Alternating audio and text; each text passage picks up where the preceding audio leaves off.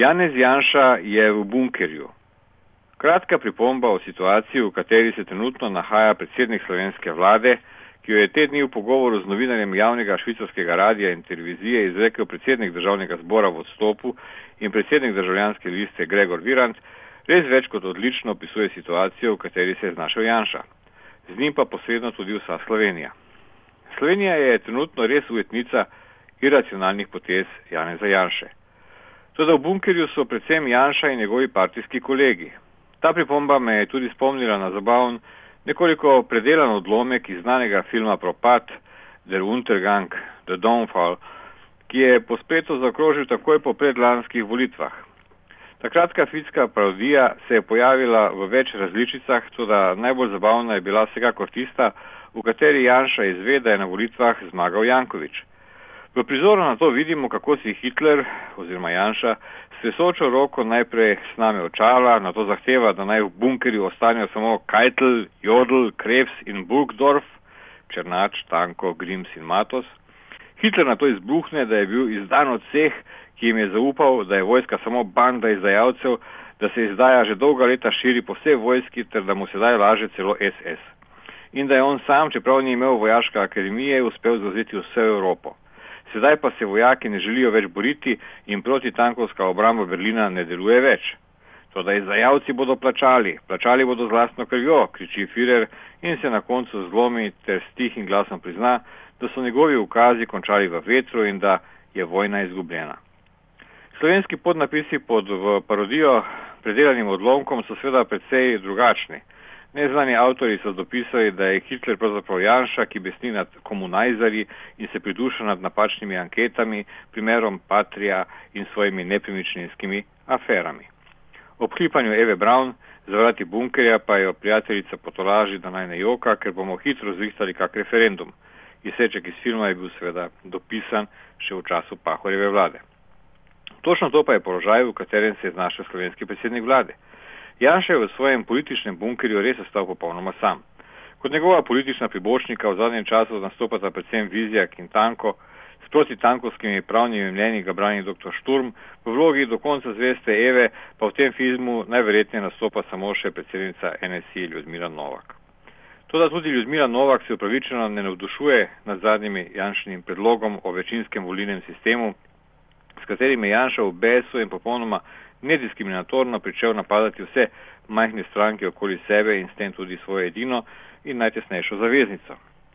S tem se Janševa politična pot dejansko bliža svojemu vrhuncu oziroma zatonu.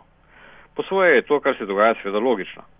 Janševa politična filozofija je bila zmeraj zelo blizu tistemu razmišljanju Karla Šmita, ki je dejal, da je bistvo umetnosti razlikovanje med lepim in grdim, bistvo morale med razlikovanje med dobrim in slabim, bistvo politike pa razlikovanje med sovražnikom in prijateljem. Janša je v skladu s to politično filozofijo zmeraj iskal in tudi našel sovražnike. Politike je zmeraj delil na tiste, ki so z njim in na tiste, ki so proti njemu. To so bili najprej zunani sovražniki, za boj zopr katere se je šolal v času svojega študija obramboslovja na FSPN.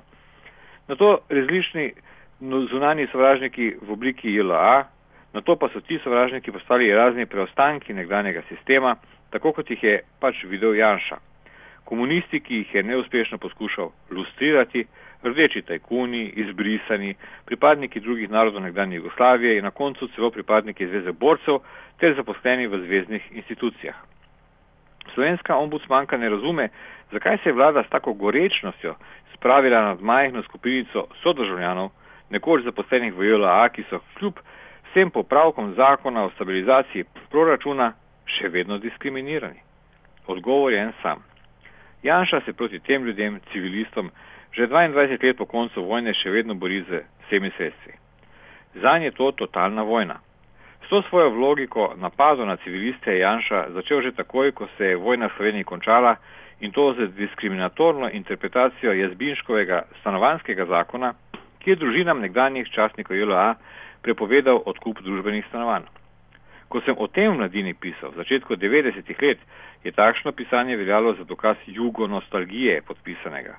Čeprav je bila kritika Janševega ravnanja podana zgolj zaradi obrambe temeljnih vrednot, v imenu katerih je nastala nova država. Enakosti pred zakonom in spoštovanje vseh, ne glede na nacionalno poreklo ali kakršnokoli drugo posebnost. V začetku 90-ih je večina medijev takšne janšene izpade opazovala spravljivo, z nekakšnim razumevanjem in dobrohotnostjo. Pri tem pa mnogi niso opazili, da gre samo za prve simptome veliko hujših bolezenskih znakov, ter da bo ta rak nacionalizma, nestrpnosti in šovinizma na koncu pokopal vso družbo. In točno to se je zgodilo. 20 let pozneje smo soočeni z Janšo, za katerega vsi, ki niso z njim, ostajajo izdajalci in inkvizicija. Protikorupcijska komisija, novinari, soprok odvetnice, ki ga je več let branila in uspešno zastopala na sodiščih in celo njegovi lastni koalicijski partnerji. Vsi so odpadniki in sovražniki, vsi neprestano kujejo zarote zoper njega. Janša pa vsem dokazuje, da lahko vlada tudi brez njih. Ali res? Vendar prav sedaj položaj, v katerem se je znašel Janša, tako do obisti razgalja temelje njegove politike, da je to kljub vsem težavam in visoki ceni, ki jo prinašajo nove volitve, v resnici neprecenljivo.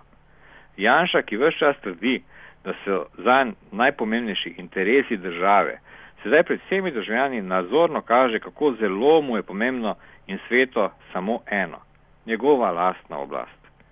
Podpora večine ljudi v tej državi ga ne zanima, sam je povedal, da je zanj najpomembnejša samo podpora njegove stranke, bistveno bolj kot pa naprimer kanala A ali pa katerega koli drugega medija, stranke ali kogarkoli drugega. Janša je imel ne na zadnje priložnost, da kljub poročilu protikorupcijske komisije mirno vlada še naprej iz sence z drugo osebo na mesto predsednika vlade, da še naprej ostane na čelo največje koalicijske stranke in ohrani to, kar mu je menda najbolj sveto, sedanjo koalicijo in stabilnost vlade.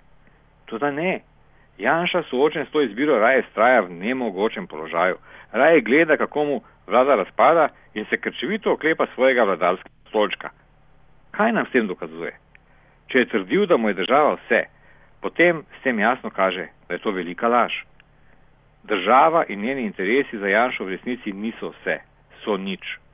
Vse in nad vse je pomembno nekaj drugega. Janez Janša sam. Janez Janša in njegova oblast, torej za predsednika vlade, über alles, čez vse drugo. Le kako je mogoče, da smo prišli v takšen položaj? Analiza tega, kako se je Janša, pronicljivi kritik koncepta SLO in DSZ, kot sem ga spoznal osebno pred četrt stoletja, spremenil v samopašnega in arogantnega samodržca, bi zahtevalo nek drug komentar.